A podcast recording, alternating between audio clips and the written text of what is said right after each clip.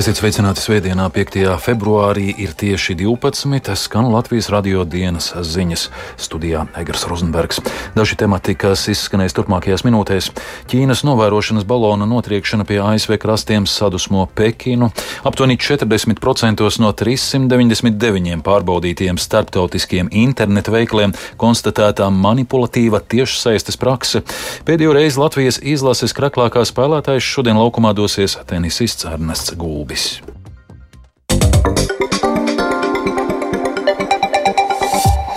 Amerikas Savienoto Valstu armija vakar valsts austrumu piekrastē virs Atlantijas okeāna notriekusi Ķīnas novērošanas balonu.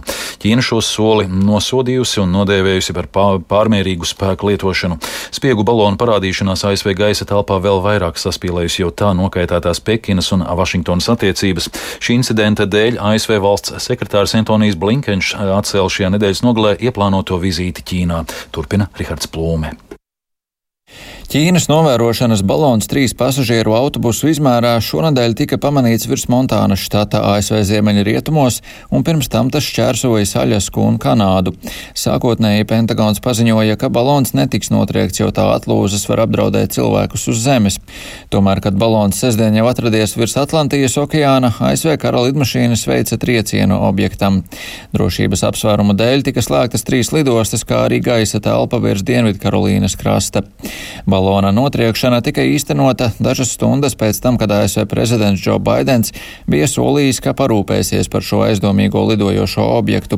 Baltā nama saimnieks sniedza komentāru arī pēc balona notriekšanas. Balloon, Trešdien, kad mani informēja par balonu, es pavēlēju Pentagonam to notriekt trešdien, cik drīz vien iespējams. Viņi nolēma, lai nenodarītu kaitējumu nevienam uz zemes, ka labākais laiks, lai to izdarītu, ir tad, kad balons atrastos virs ūdens. Viņi veiksmīgi to likvidēja, un vēlos izteikt komplimentus mūsu pilotiem, kuri to paveica. Ķīna šodien paziņoja, ka tā patur tiesības izmantot nepieciešamos līdzekļus, lai risinātu līdzīgas situācijas.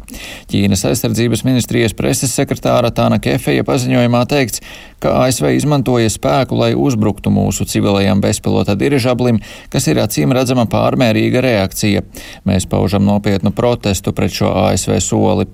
Spēcīgu neapmierinātību un protestu paudusi arī Ķīnas ārlietu ministrija. Ķīna taisnojas, ka balons ir meteoroloģisks lidaparāts, kas aizpūsts no plānotā kursa. Vēl šonadēļ Pekina mudināja domstarpības risināt ar vēsu prātu. Tikmēr Taivāna šodien paziņoja, ka civilizētajai starptautiskajai sabiedrībai nevajadzētu tolerēt incidentu ar Ķīnas gaisa balonu. Taivānas ieskatā šāda Ķīnas rīcība ir pretrunā starptautiskajām tiesībām, pārkāpja citu valstu gaisa telpu un pārkāpja to suverenitāti. Telekanāls CNN tikmēr vēsta, ka kāda augsta ranga ASV administrācijas amatpersona ir noraidījusi Ķīnas vairāk kārtējos apgalvojumus, ka notriektais balons bijis vienkārši civilai lietošanai, un ASV gaisa telpā tas nonācis negadījuma rezultātā. ASV uzskata, ka balons apzināti šķērsoja ASV un Kanādu un novērojas sensitīvus militārus objektus. Vēl viens ķīniešu balons vēlāk tika pamanīts arī virs Centrālamerikas un Dienvidamerikas. Amatpersona uzsvērusi, ka abiem baloniem bijis novērošanas aprīkojums, kas parasti nav saistīts ar standarta meteoroloģiskajām darbībām vai civilo izpēti. Ķīna gadiem ilgi izmantojusi šāda veida novērošanas balonus, un šādas ierīces iepriekš ir pamanītas piecos kontinentos.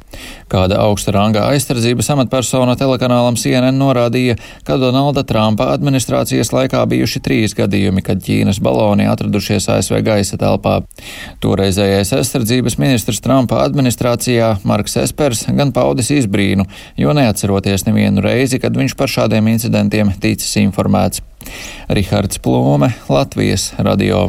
Pakistāna nedēļas nogalē nobloķējusi populāro interneta enciklopēdiju Wikipēdija. Varas iestādes lēmušas cenzēt vietni par zaimojošas satura izvietošanu. Zaimošana ir sensitīvs jautājums Pakistānā, kurā dzīvo vairākums musulmaņu. Vārda brīvības aizstāvji uzsvēruši viņuprāt pieaugušo valdības cenzūru pret Pakistānas drukātiem, kā arī elektroniskiem medijiem. Turpina Rihards Plūme. Nedēļas sākumā Pakistānas telekomunikāciju iestāde bija izvirzījusi Wikipēdijai 48 stundu ultimātu zaimojoša materiāla izņemšanai. Precīzi iebildumi publiski gan netika norādīti. Pakistānas telekomunikāciju iestādes pārstāvis Malahats Obaits skaidroja, ka vietne izņēmusi daļu, bet ne visu materiālu. Tādēļ Wikipēdija paliks bloķēta, līdz tiks izņemti visi nevēlamie materiāli. Sociālo mediju gigantiem Facebook un YouTube jau iepriekš tika aizliegts publicēt saturu, kas tiek uzskatīts par zaimojošu, un pēdējos gados vairākas reizes bloķēta arī video koplietošanas lietotne TikTok. Arī interneta veiklos komersanti manipulē ar patērētājiem, cerot, ka pircēji neapdomīgi un impulsīvi veiks darījumus. Jaunākajās starptautiskajās pārbaudēs secināts, ka aptuveni 40% no pārbaudītiem tiešsaistes veikliem konstatēta manipulatīva prakse. Pārbaudas veikts arī 15 Latvijas komersantu interneta veiklos, plašāk Lindas Spundiņas ierakstā. Eiropas komisija un 23 dalību valstu, Norvēģijas un Islandes valsts patērētāju tiesību aizsardzības iestādes veica kontrolu reidus 399 mazumtirdzniecības tiešsaistes veikalos, kas pārdod dažādas preces, sākot ar tekstilu izstrādājumiem un beidzot ar elektronikas precēm. Secināts, ka 148 vietnēs konstatēta manipulatīva tiešsaistes prakse.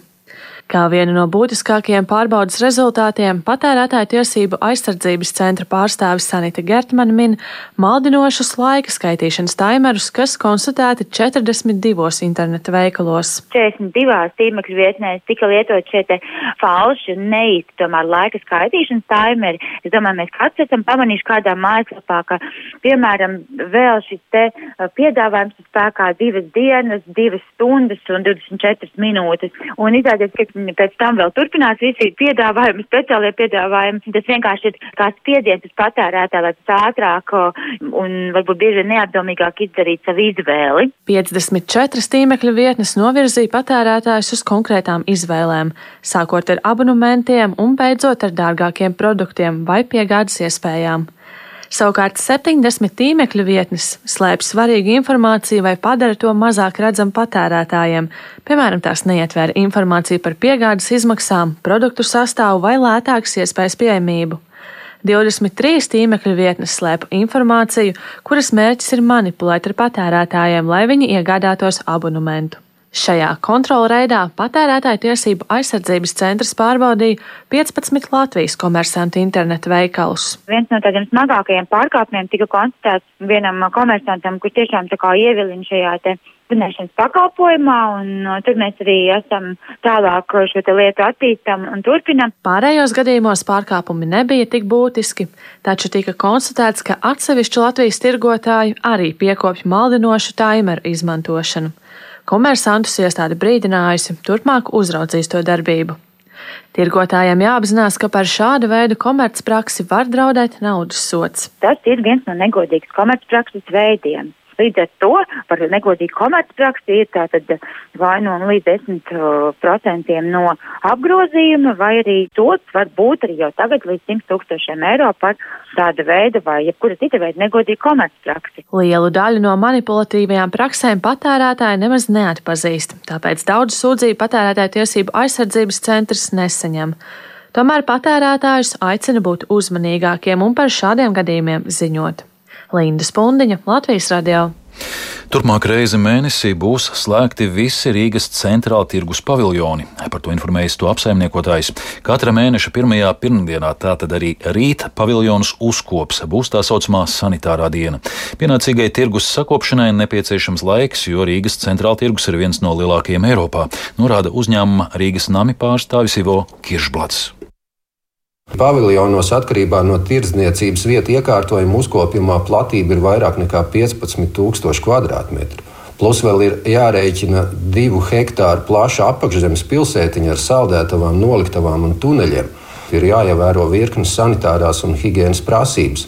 Tikko mēs mazliet palaižamies, tā nāks cīnīties ar dažādu veidu un izmēru grauzējiem, kukaiņiem un citiem paēst gribētājiem. Sanitārā uzkopšana regulāri notika arī līdz šim, taču tirzniecības apjoma palielinās, apmeklētāju skaits pieaug, tāpēc mēs pieņēmām lēmumu, ka turpmāk katra mēneša pirmajā pirmdienā paviljons slēgsim uz visu dienu. Pārējā tirgus teritorija būs atvērta, arī zemnieku nakts tirgus turpina strādāt tāpat kā līdz šim. Reizeknē dienas aprūpes un rehabilitācijas centrā Spārīte šonadēļ atklāts baseins, kurā fizioterapijas pakalpojumu saņems bērni ar funkcionāliem traucējumiem. Baseins aprīkots ar pacēlāju, lai tas būtu pieejams arī bērniem invalīdu ratiņos. Nodarbības pirmām kārtām paredzētas dienas centra Spārīte klientiem, kas ir deinstitucionalizācijas projektā iesaistītiem mazie reizeknieši. Fizioterapijas pakalpojums jaunajā baseinā Reizeknē deklarētiem bērniem būs bez maksas. Turpina Reizeknes sociālā dienesta pārstāve Inese Nipere. Sākotnēji paredzēts bija bērniem tikai logopēda individuālās nodarbības, fizioterapeita individuālās nodarbības, ergoterapeita nodarbības un multisensorās istabas pakalpojums. Bet vērtējot bērnu vajadzības atkārtoti, nolēmām, ka arī bērniem ir nepieciešamas fizioterapeita nodarbības baseinā. Pieprasījums uz doto brīdi, diemžēl, ir ļoti liels, jo patreiz mūsu dienas centru apmeklē 85 bērniņi ar invaliditāti. Baseina pakalpojums jau ir noslēgts ar 30 bērnu vecākiem. Uz vienu bērnu mēs jau plānojam divu mēnešu intensīvu darbu, tad beidzās vienu bērnu saraksts, ņemam nākamos 30. Un vēl par sportu. Pēdējo reizi Latvijas izlases kraklā, kā spēlētājs šodien laukumā dosies tenisists Ernests Gulbis. Deivisa kausa pasaules pirmās grupas izslēgšanas spēļu dienu Latvija vakar noslēgusi ar pozitīvu bilanci divās spēlēs. Šodien arēnā Rīga tenisa svētki turpinās. Vairāk stāsta Lotārs Zariņš. Pēc pirmās dienas Deivisa kausa izcīņa tenisā Latvija noslēgusi ar panākumiem divās vienspēlēs. Vakar galvenajā mačā Ernests Gulbis 2,5 stundu ilgā cīņā tikai taibreikā ar 6-1, 2-6, 7-6 pieveica Danielu Cukiermanu. Pirmo setu Gulbis noslēdz ar pārliecinošu uzvaru, bet otrajā setā iniciatīvu pārgāja Cukiermanu pusē. Trešais sets nelika vilties. Mačs gāja punkts punktā un beigās panākums Gulbim ar 7-6. Taibreikā abi tenisisti guva punktus pie pirmās serves. Pēc rezultāta 3-2 Gulbim sniedza medicīnisku palīdzību. Pēc piespiedu atpūtas Gulbis vairs nedeva cerību Cukiermanu Bermanam un Latvietim panākums. Klausamies, ko Gulbis saka par savu traumu. Man nav nekāda veselības problēma. Man vienkārši ir tas, ka man nav bijis pietiekami daudz laika, lai es normāli trenētos. Es neesmu pietiekami labā fiziskā formā, kopumā ar izturību. Un, ja es būtu pilnīgi atbrīvots un man nebūtu emocionāls spiediens, šitās mačs nesagādā pārāk liels grūtības. Tāpēc tās ir divas stundas zālē, tev nav karsts, ja tev nav saule. Principā nu, es varu tādu maču nospēlēt gandrīz vai jebkādā fiziskā stāvoklī un nospēlēt viņu daudz maz normāli. Bet tā, ir šis emocionālais spiediens papildus, ja, tas ir tas, ko vienkārši nu, tad ir grūti.